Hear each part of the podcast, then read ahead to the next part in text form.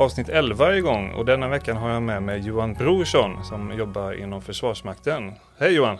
Tjena! Hur står det till idag? Bara bra tack.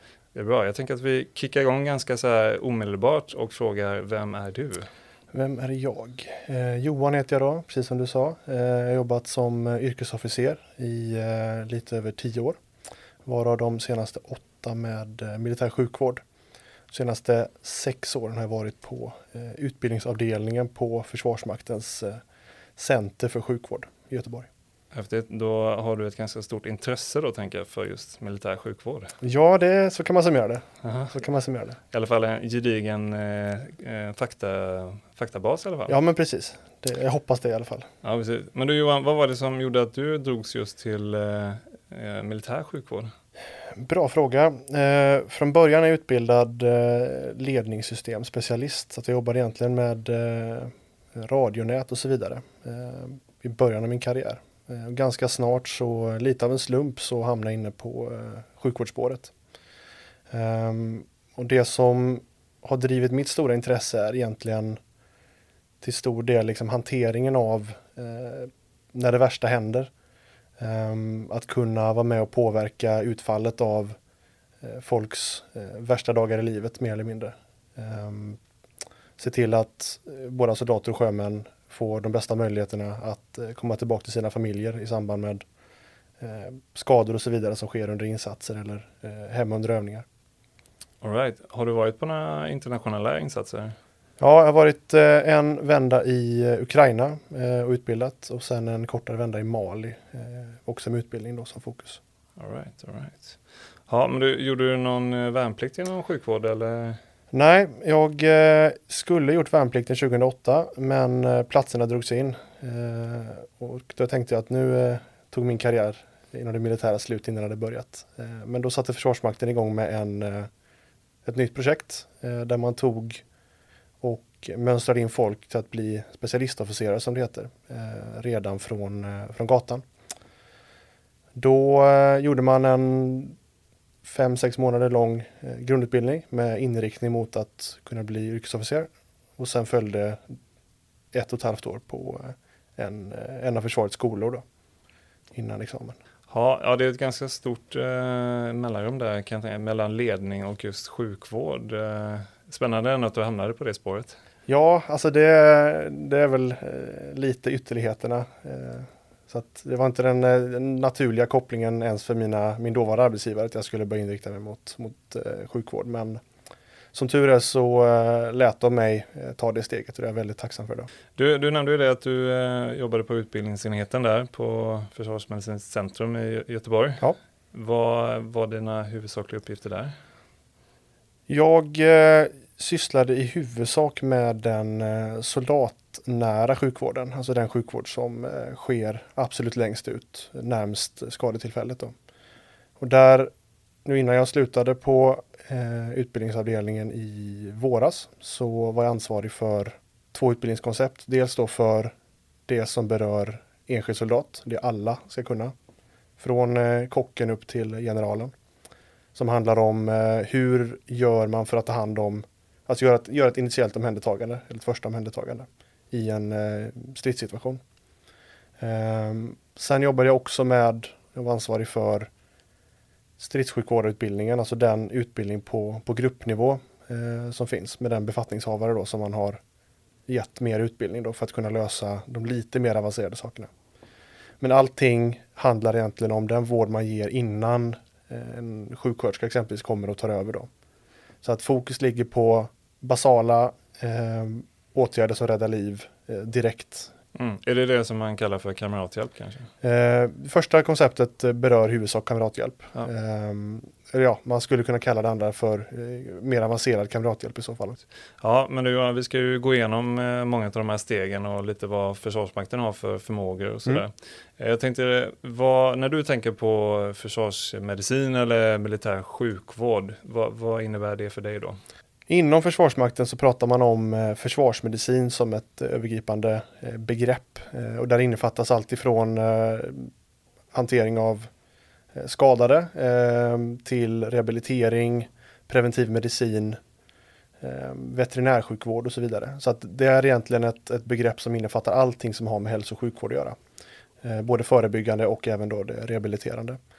Ehm, så att den militära sjukvården i sig då eh, benämns då som sagt försvarsmedicin inom myndigheten. Mm. Uh, hur styrs denna? Har man några uh, instanser som, uh, precis som Socialstyrelsen eller hur funkar det med det? Ja, vi, vi lyder i huvudsak under Socialstyrelsens regelverk och riktlinjer. Um, sen har vi instanser på högkvarteret i Stockholm som hanterar de större, mer övergripande frågorna och myndighetsöverskridande samarbeten och så vidare. Och sen finns vad, vad det nu heter då, Försvarsmaktens stridsskola för försvarsmedicin. Eh, bytte namn nu i samband med årsskiftet. Och de ligger i Göteborg och jobbar då med allt ifrån detaljerna inom respektive specialområde och det finns en, en uppsjö kan man säga eh, till eh, regelverk, eh, även där då mer handgripligt samarbete med andra myndigheter, forskning och utveckling, eh, utbildning av förband och enheter, eh, både nationellt så såväl som internationellt. Eh, rekrytering av hälso och sjukvårdspersonal eh, till Försvarsmakten. Och ja, egentligen allting som kan tänkas beröra det. Så där är det mer, alltså det där uteffekten presenteras och högkvarteret är mer se till att rätt saker och ting görs. Mm. Vad skulle du säga att de största skillnaderna är mellan den civila och den militära sjukvården? Jag skulle säga att den största skillnaden generellt är att man oftast har patienter som man känner väldigt väl. Det är väldigt få, med vetligen, ambulansutryckningar som eh, leder hem till nära och kära, till personalen eller besättningen. Utan allt för ofta så är det personer som man kanske träffat på tidigare eller en helt för en okänd eh, människa då. Eh, Medan den militära sjukvården, där är det, eh, i alla fall med de kategorier som jag jobbade med i huvudsak, eh, ens absolut bästa vänner, i vissa fall Eh, mer närstående än vad familjemedlemmar kan vara. Ehm, så att det blir en, en, närhet till patienten på ett sätt som jag inte upplever existerar på samma sätt i den civila sjukvården.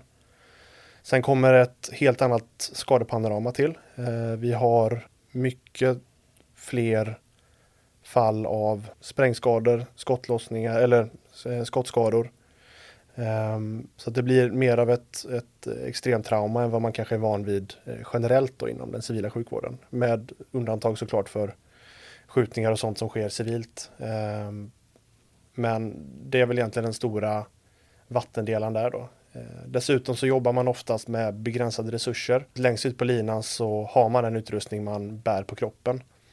Om det är en ryggsäck eller om det är en ficka på sens eh, stridsväst så är man begränsad till vad man kan bära med sig.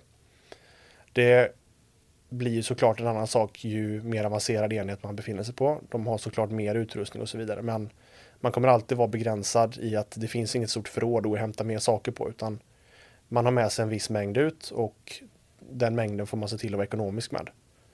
Um, miljön uh, skiljer sig också till stor del. Um, självklart efterliknar den prehospitala miljön civilt. Uh, men enheten som kanske ska göra ett omhändertagande kan ha varit ute i två, tre veckor eh, i oländig terräng, varit utsatt för eh, allmänt väder och vind eh, och inte vara liksom eh, optimalt, eh, ha optimala förutsättningar egentligen, rent fysiskt. Eh, tröttare, blötare, kallare, ätit mindre. Kanske inte kunnat gå på porslinstoalett på eh, ganska bra många dagar. Så att det, det ställer andra krav på, på individerna det blir en annan typ av belastning. Hur skulle du säga att, eh, för det är ju väldigt mycket civil personal som jobbar inom eh, sjukvårdssektorn just inom försvaret. Hur skulle du säga att eh, deras förmåga är att kunna ställa om just för, från den civila sjukvården då till den militära? De allra flesta skulle jag säga är väldigt duktiga på det. Ehm, det är såklart helt och hållet upp till individer. Vi har ju alla olika förutsättningar så att säga. Ehm, och vissa dagar är man, har man väldigt mycket enklare för saker och ting och andra har man inte det. Men jag skulle säga att generellt sett så de som söker sig till Försvarsmakten och eh, är medvetna om vad det innebär eh, har med vetteligen egentligen inga större problem med att eh, sätta sig in i miljön. Men mycket handlar om vilka förväntningar har man när man går in eh, och vilka krav ställs då från, från eh, myndigheten och även från den miljö man jobbar i. Um, om åker man exempelvis eh, på en utlandstjänst och är inställd på att det här kommer inte vara någon fara, det kommer inte hända någonting, jag kommer ha mycket tid att träna, mycket tid att sola eh, och det sen händer någonting, om det är någon, eh, något angrepp på eh, basen där man bor eller att det sker större incidenter i närområdet så kan det såklart bli en, en krock då mellan ens eh, förväntningar och förhoppningar eh, och verkligheten. Och då är det såklart så att då, då kan det bli tuffare. Eh, så att mycket handlar om att man har rätt inställning när man ger sig in i det. Men det upplever jag att den klara majoriteten av de jag har träffat på med eh, en civil bakgrund ehm, i Försvarsmakten har, ja, men de har haft de förutsättningar som krävs. Liksom. Mm. Jag tänker också att eh, de flesta som kanske söker sig till Försvarsmakten, eh, de kanske har ett visst mindset och de kanske gillar att, att jobba just under de förutsättningarna som finns också. Man kanske inte förväntar sig att allt ska finnas som du nämnde där.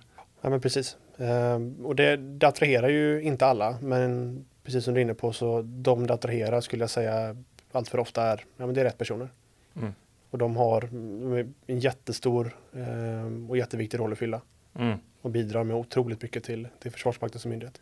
Eh, vi var inne lite på här olika vårdnivåer som man skulle kunna kalla det. Alltifrån då kamrathjälp som är ju den första instansen eh, eller avancerad kamrathjälp. Eh, vi kan väl egentligen bara börja lite med att gå igenom de stegen som finns. Om vi, om vi då har en soldat som, som blir skjuten till exempel, eh, vad, vad är det första som händer då i vårdkedjan? Så att säga? Det första som händer då det är att eh, den här soldatens eh, egen enhet i första hand ska lösa ut den stridssituation som gäller. Eh, ibland kan man om man tittar på eh, amerikanska krigsfilmer se den här eh, sjukvården som eh, gör den här hjälterusningen över, eh, över fältet och ska rädda livet på sin kamrat som ligger ute i det öppna. Eh, den typen av beteenden riskerar att skapa eh, fler skadade och fler döda. Så att första fokus är alltid att lösa ut stridssituationer eller hotet. Är det som så att vi har gått, på ett min, gått in i ett minfält, då måste man se till att hantera eh, det hotet. Så det är inte bara att springa fram och släppa den skadade i skydd. Utan då behöver man ta hänsyn till det. Är det som så att striden fortfarande pågår, då kanske ehm, gruppens och även då eventuell sjukvårdspersonals första fokus är att man får besvara elden. För lyckas vi slå ut motståndaren så kan de inte eh, påverka oss på samma sätt. Eller om vi lyckas trycka ner motståndaren. Eller på något sätt då skapa handlingsutrymme så att vi kan få den skadade i skydd. Eh, väl i skydd eh, där motståndaren inte kan verka mot oss med alltså direktriktad eld som man säger då. Alltså att vi kan skjuta med ett gevär eller en kulspruta. Så eh, påbörjar man eh, ett eh, första omhändertagande och vad vi kan kalla för kamrathjälp. Och där ligger fokus på att stoppa stora yttre komprimerbara blödningar från framförallt extremiteterna. Så då sätter man toniker om det behövs på armar och ben. Skulle det vara större blödningar i ljumskar, armhålor och så vidare så eh, kan man eh, packa dem med blodstillande förband. Men det beror helt och hållet på hur hotnivån ser ut. Är det som så att det är ett överhängande hot för att fienden egentligen eh, anfaller och stormar in i, i våran ställning, då kanske man måste göra det beslutet att, eller fatta det beslutet att inte eh, göra den lite mer tidskrävande och avancerade åtgärden trots att det kanske räddar livet på patienten. Så att det blir hela tiden ett, ett vågspel mellan vad jag känner att jag kanske borde göra för patienten och vad jag kan göra rent eh, taktiskt och militärt. Eh, för de kan ibland stå i, i eh, liksom konflikt mot varandra. Så det är inte alltid så att patienten är första prioritet, utan prioritet nummer ett är allt för ofta att vi måste se till att fler inte skadas, fler inte dör och att vi liksom eh, kan göra saker och ting på ett så säkert sätt som möjligt. Om eh, jag ska återkoppla lite till det du sa där. Det var nästan det som jag personligen tyckte var jobbigast eh, när man skulle ställa om sitt mindset då från den civila. Det var just det här att eh, inte tänka på patienten i första hand utan eh, faktiskt tänka på gruppen och lösa striden som du sa där. Eh, det var ett jättestort hinder att ta sig förbi och jag vet att många av mina sjuksköterskekollegor och läkarkollegor och civila kollegor framförallt då, har svårt med det. Eh, är det någonting du har upplevt när du har hållit utbildningen också? Ja, absolut. Ehm, och det är inte en så konstig sak egentligen. Eh, har man under hela sin yrkesverksamma karriär på kanske 15-20 år alltid haft patienten i fokus så är det ju inte konstigt att man fortsätter ha det, även om miljön är annorlunda. Så när man tittar på den utbildning som eh, Försvarsmakten ger de eh, civila läkare och sköterskor som kommer in och exempelvis ska förbereda sig inför att åka till Mali. Så eh, lägger vi ganska mycket fokus på att se till att eh, just det här kontexttänket trillar in. Och att man får ändra den här prioriteringsordningen lite grann från hur man är van att jobba civilt. Eh, där, precis som du var inne på, patienten är i fokus och patienten är prio ett. Till att uppgiften, om detta är eh, uppgiften i detta fallet är då att hålla gruppen vid liv eller att vi ska eh, ta ett anfallsmål eller så vidare. Det är prio ett. Så först när vi har kanske tagit anfallsmål, då kan vi ändra fokus till att patienten blir prio ett. Um, så det blir alltid den här, som, som jag nämnde tidigare, våg, skålen liksom. Eh, som, som eh, utifrån hur situationen ser ut antingen väger över mot patienten och att man kan lägga den kraft och den tid man vill på patienten. Eller att man måste eh, välja att fokusera bort och prioritera bort patienten. För att hotet för gruppen eller för enheten eller för en själv är så pass eh, stort. På gruppnivå så finns då stridssjukvårdare eller gruppsjukvårdare Eh, på de allra flesta grupper. Och det är en soldat eh, som har fått eller en sjöman, eh, som har fått tilläggsutbildning. Och det är mellan tre till fem veckor. Och de har en lite större verktygslåda. Så en enskild, den enskilda soldaten längst ut på linan har oftast toniker, de har första förband, de har blodstillande förband. Det är liksom den, den verktygslåda de har. Tittar man sen på nästa instans så lägger vi till eh, mer av allting. Det som eh, soldaten bär på sig. Eh, nästuber, eh, torakocentesnålar för att avhjälpa ventilpneumotorax. Eh, ventilerade och lufttäta thoraxförband. Bäckenstabilisatorer, alltså bäckengördlar. Det finns en annan mängd läkemedel, eh, då i form av fentanyl i eh, klubbform det finns också en förmåga att kunna genomföra sållningstriage. Eh, det finns mer utbildning i egenvård och preventiv medicin för att se till att eh, gruppen kan ta sig till sin uppgift utan att alla är magsjuka och eh, allas fötter har trillat i bitar för att ingen har bytt strumpor, ingen har tejpat och så vidare. Men det jag skulle säga huvudsaken med den här individen är att de, de har ett uttalat ansvar. Och det är det som gör att man då höjer förmågan på, på grupp. Eh, de övas också väldigt, väldigt hårt eh, i väldigt stressfulla situationer eh, och blir väldigt duktiga på att arbeta just den miljön.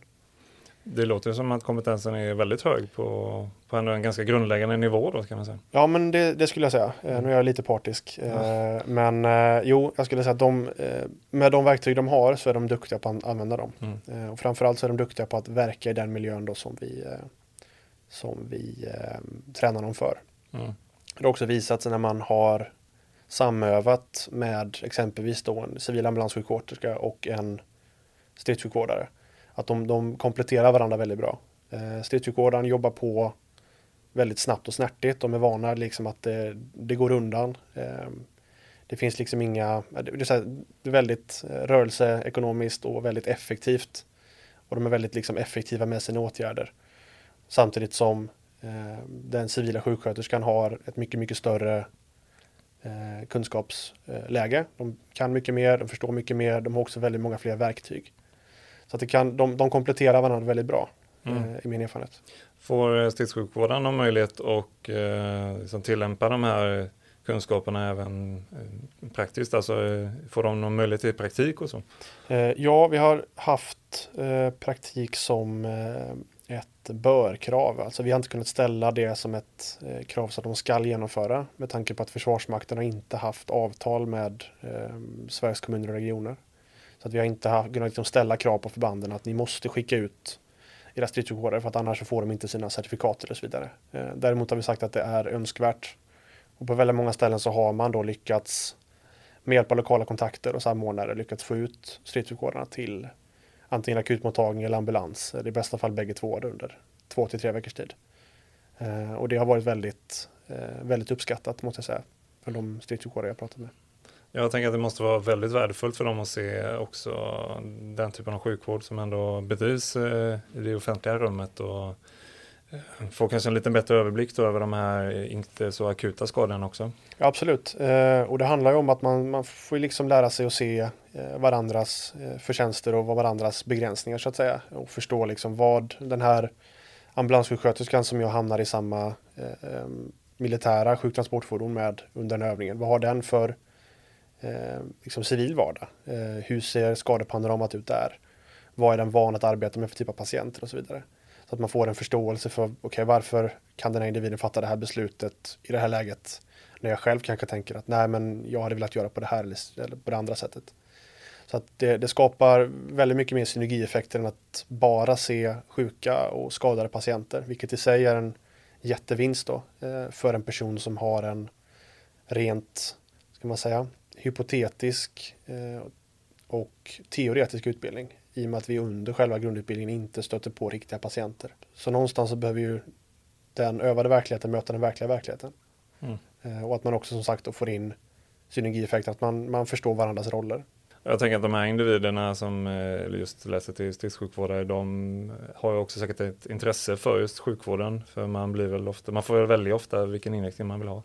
Absolut. Mm. Ehm, och väldigt många av de distriktssjukvårdare som utbildats ehm, har sedan fortsatt sitt engagemang inom sjukvård. Ehm, många av dem läser till sjuksköterskor eller färdiga sjuksköterskor. En del läser till läkare. Så att vi får på, på det sättet liksom ett, ett återflöde av sjuksköterskor med eh, en liksom militär sjukvårdserfarenhet i grunden tillbaks in i, i, i myndigheten. Mm. och det är också väldigt kul och det, det är ett tecken på att, på att det, ja, det fungerar så att säga. Um, vi gör rätt saker så att attrahera individerna. Man ska kunna säga att det är den optimala soldaten då som är stridssjukvårdare och sjuksköterska. Ja, såklart. Eh, nej, men det, där, det pratas ibland om liksom hur, hur ska vi göra exempelvis för att få en eh, jätteduktig militärkirurg? Ska vi ha en eh, kirurg som vi ska utbilda till soldat eller är det enklare om vi har en soldat som utbildas till kirurg? Um, och det är såklart, eh, inom den gruppen så eh, skiljer det såklart, men det, um, får man in folk som har en ehm, värnplikt eller någon form av eh, militär bakgrund så är det såklart enklare för dem att sätta sig in i kontexten tidigt. Så de vet liksom vad, vad miljön kräver av dem. Um, och det är såklart att då, då är det, ja, man har mycket, mycket vunnet på det, på det sättet. Då. Ja, och uh, under den här nivån då som du sa där, där kan man ju smärtlindra med fentanylklubba och uh, göra ganska så avancerade åtgärder. Uh, sen kommer vi till nästa steg, vad hamnar vi då? behöver bara säga att fentanylklubban är ingenting som vi nyttjar eh, nationellt utan det är någonting, en, en resurs som tillförs eh, när vi framförallt är i utlandet, Afghanistan och Mali och så vidare. Eh, så att hem, hemma vid så går de inte runt med eh, fentanylklubbor i benfickorna. Och sen då så kommer vi, är det sjukvårdsgrupp då som är nästa instans? Eller Ja, det beror lite på. Här börjar det skilja sig sen mellan eh, olika förbandstyper. Mm. Eh, och då är det egentligen förbandets uppgifter, alltså vilken typ av uppgift i vilken miljö man löser som dimensionerar huruvida man har ytterligare nivåer eh, på exempelvis då plutonsnivå, vilket är en någonstans runt 30 till 40 man. Eh, eller om det är som så att man eh, tittar mer mot en sjukvårdsgrupp som kan motsvara en civilambulans. Tittar vi på jägarförbanden exempelvis som har som uppgift att verka eh, bakom fiendens linjer med ganska så skrala logistik och transportmöjligheter och kunna operera där eller verka där över lång tid så har de jägarsjukvårdare eller sjukvårdare avancerad som den kallas då. Där jägarsjukvårdaren är en eh, någonstans runt 10 veckor lång utbildning och i huvudsak riktad mot värnpliktiga. Och sjukvård avancerad är en eh, eh, bit över 20 veckor där de läser ett antal högskolepoäng i anatomi och fysiologi och sen så får de då ett mycket större, mycket större verktygslåda. Där de då ska kunna ge vissa läkemedel privat prehospitalt. De ska kunna göra en, fler avancerade åtgärder helt enkelt. Så då börjar vi gå in på vad som i civilt kan betraktas som specialistsjuksköterskeåtgärder. Okej, okay, så pass ändå. Ja. Mm. Kan de använda den eh, utbildningen på något sätt och validera till undersköterska på något sätt? Eller? Eh, jag tror att det har gjorts på vissa ställen. Ehm, men då är det framförallt lokala ehm, initiativ som har eh, lett till det. Mm. Jag vet bland annat att i Skaraborg så är det nog några som, som jobbar civilt inom ambulansen också. Mm. Med den grunden. Ja, Såklart med viss komplettering då. Med tanke på att det inte, inte direkt är hjärtinfarkter eller ehm, barn som man är inriktad mot som sjukvård avancerad. Nej, det är ju en ganska homogen grupp som man ändå ska behandla inom Försvarsmakten. Det är ju ofta Yngre individer, eh, vältränade oftast, eh, inte så mycket kramper med sig i botten. Nej, precis. Men de har ofta med sig en hel, hel del andra eh, problem. Eh, kanske lite väl uthålliga emellanåt. Eh, skapar eh, skador hos sig själva i och med ett eh, ganska så eh, aktivt levande så att säga. Så att det är ju fler alltså, idrottsrelaterade skador och så vidare. Eh, rabdomyolys är ju inte ovanligt eh, om man tittar i eh, insatsområdena med väldigt, väldigt hög värme.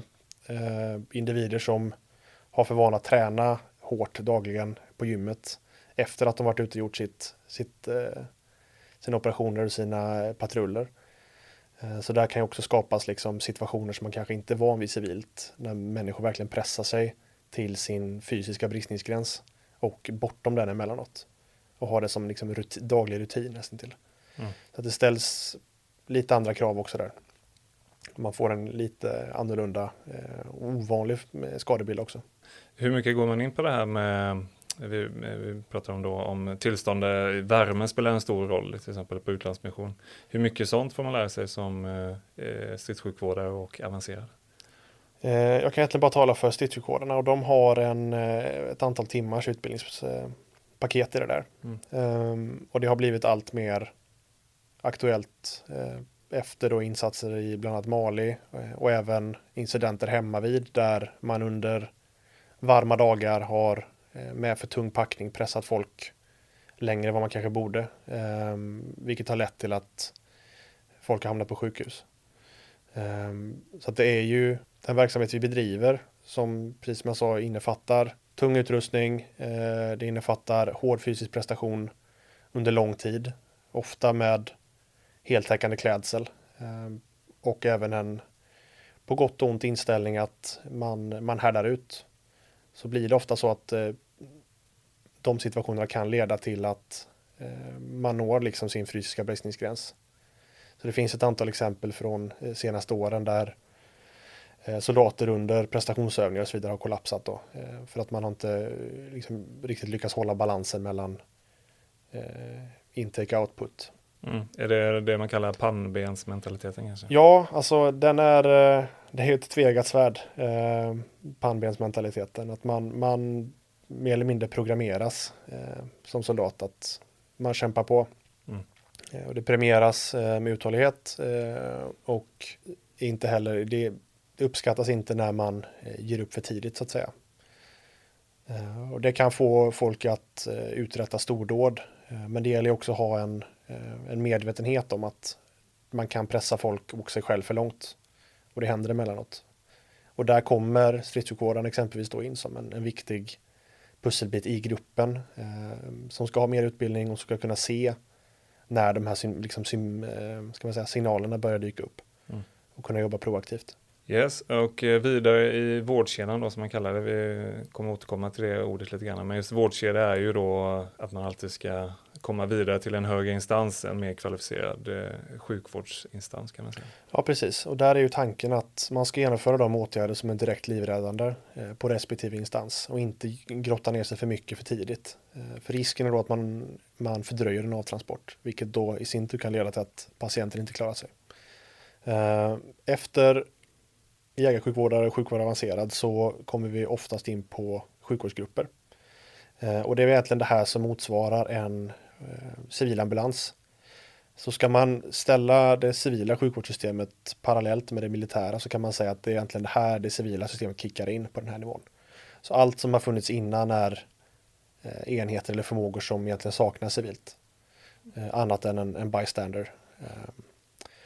Men där i sjukvårdsgrupperna så beroende på vilken plattform, om det är en båt eller om det är en helikopter eller om det är en, ett hjulfordon eller en bandvagn, så kan de se lite olika ut. Eh, självklart så är det ju en fordonsbesättning. En förare, en, oftast en vagnchef. Eh, yt, kanske en ytterligare eh, besättningsmedlem beroende på eh, vilken typ av farkost det är. Och sen är det allt för oftast en eller två sjuksköterskor. Eh, och är det så att det endast är en sjuksköterska så är det en sjukvårdare med också. Då. Eh, och det kan man egentligen säga det är en motsvarande undersköterska som har till uppgift att assistera den här eh, sjuksköterskan då eh, i gruppen. Så det kan man egentligen likställa med en, som sagt en civil ambulans och har liknande uppgifter. De ska ta emot, kunna genomföra lite mer avancerade åtgärder, men framförallt att kunna avtransportera och se till att patienten överlever transporten till nästa instans. Vad har de här sjuksköterskorna för specialistkompetenser? Det kan variera, men det man eh, vill är att de ska vara ambulans eller narkos och då narkos i huvudsak med prehospital erfarenhet också. Så man egentligen får in eh, individer som är vana att jobba prehospitalt eh, i den miljön. Eh, har man möjlighet här att ge blod och, och eller dropp eller hur ser det ut? Eh, I huvudsak dropp. Ehm, lite beroende på var Försvarsmakten verkar någonstans så finns ju också ett större eller mindre behov av eh, blod eller blodprodukter. Så det, det som finns i, i dagsläget är eh, frystorkad plasma eh, och det används eh, i, eh, under våra internationella insatser i huvudsak och det har även börjat implementeras nationellt.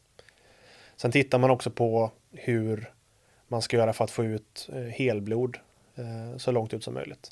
Och det kan man egentligen säga blir lite ett sidospår, men det är en av de större frågorna internationellt när det kommer till militär sjukvård. Just hur gör vi för att säkerställa en eh, försörjning av helblod ut i våra insatsområden?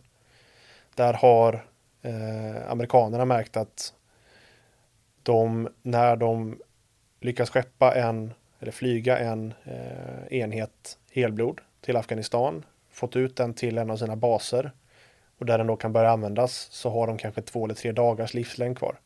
Vilket innebär att det är ett ganska ineffektivt system där väldigt mycket eh, går till svinn då. Och där finns det en mängd olika system, där alltifrån att man eh, fryser ner det, eh, vilket vi har gjort i Mali eh, med hjälp av ett holländskt system. Eller då som vissa eh, internationella förband framförallt har börjat jobba med, nämligen då ett walking blood bank system. Eh, där man även tagit det till Eh, buddy to buddy som det kallas, nämligen att man har universalgivare i grupperna och man övar på att dra blod från dem prehospitalt. Så att på ungefär 10 minuter från dess att sjukvården behöver ha en enhet varmt helblod i stridsställningen, alltså ute i stridssituationen, så dras det av en kamrat i gruppen som screenas regelbundet som man vet är en universalgivare. Så att det är väldigt rigoröst i systemet. Men det innebär att då har man en enhet varmt helblod på plats inom 10 minuter. Eh, så det är liksom ett av de stora sakerna som jobbas med internationellt och se till att det här funkar. Och man har kommit väldigt långt på, på många ställen. Skulle du säga att man är snart i mål i den processen? Eller? Eh, I Sverige eller internationellt? Eh, I Sverige. Vi har börjat titta på det. Eh, nu har jag inte jobbat så mycket med de frågorna. Eh, men man tittar på det i varje fall och sen vilken typ av lösning det blir, det återstår att se. Mm. Ja, det, det som säger det, man, det måste vara otroliga processer för att få detta att funka ordentligt. Just med sådana här kontroller och att man då ska ha den här universalgivaren också. Det är ju inte alltid det kan finnas kanske det i en, eh, en grupp på sex man. Så. Nej, absolut inte. Eh, tittar man på exempelvis då amerikanska jägarförbanden eh, som eh, ligger under 75th Ranger Regiment. Eh, där gör de så i sin uttagningsprocess då till förbandet så screenar de allihop. Eh, och de universalgivare som identifieras, de får frågan om de kan tänka sig att eh, vara del av programmet. Och är de det så portioneras de ut sen i sina grupper utifrån detta. Så de har eh, i snitt med, lite mer än en person per åtta eh, per grupp då, som är eh, universalgivare. Mm. Intressant eh, jobbeskrivning när man ska söka ett jobb att eh, du bör vara universalgivare. Absolut. Uh-huh. och det har forskats väldigt mycket på detta också.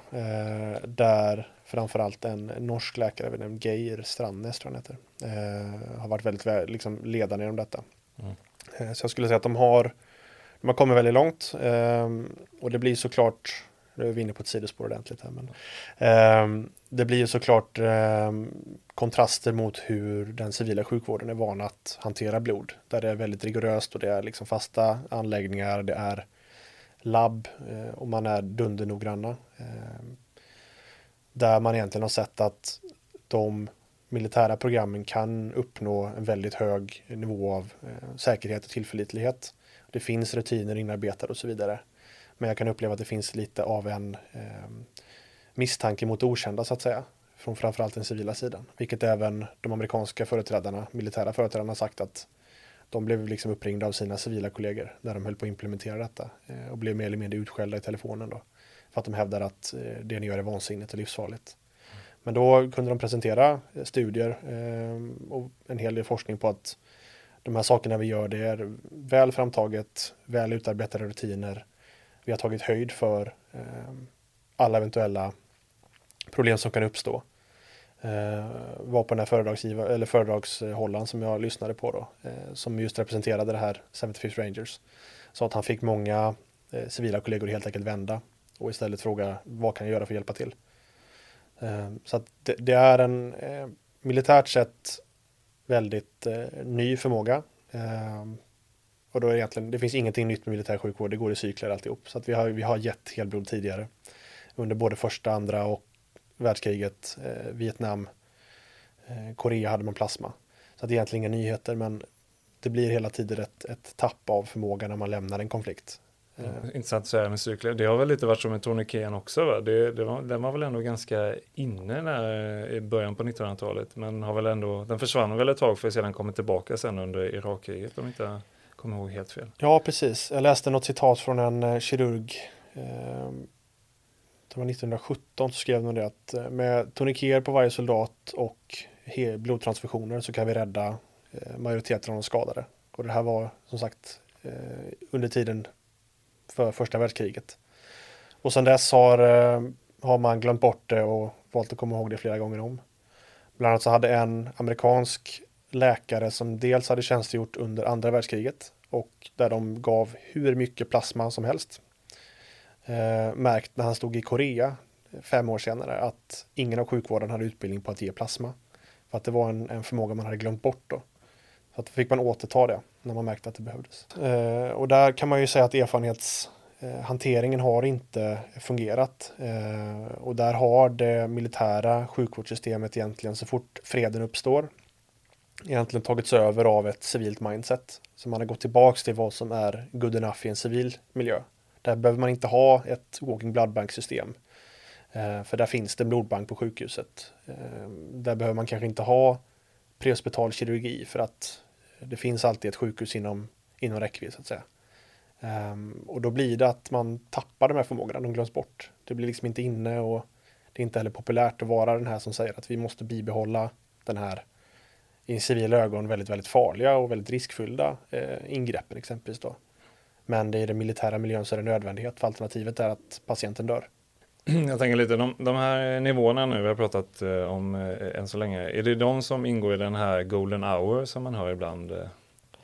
Ja, eh, det Försvarsmakten tittar på är egentligen riktlinjer när det kommer till när vilken typ av vård ska vara insatt. Eh, och då brukar man tala om eh, 10 minuter, en timme och två timmar.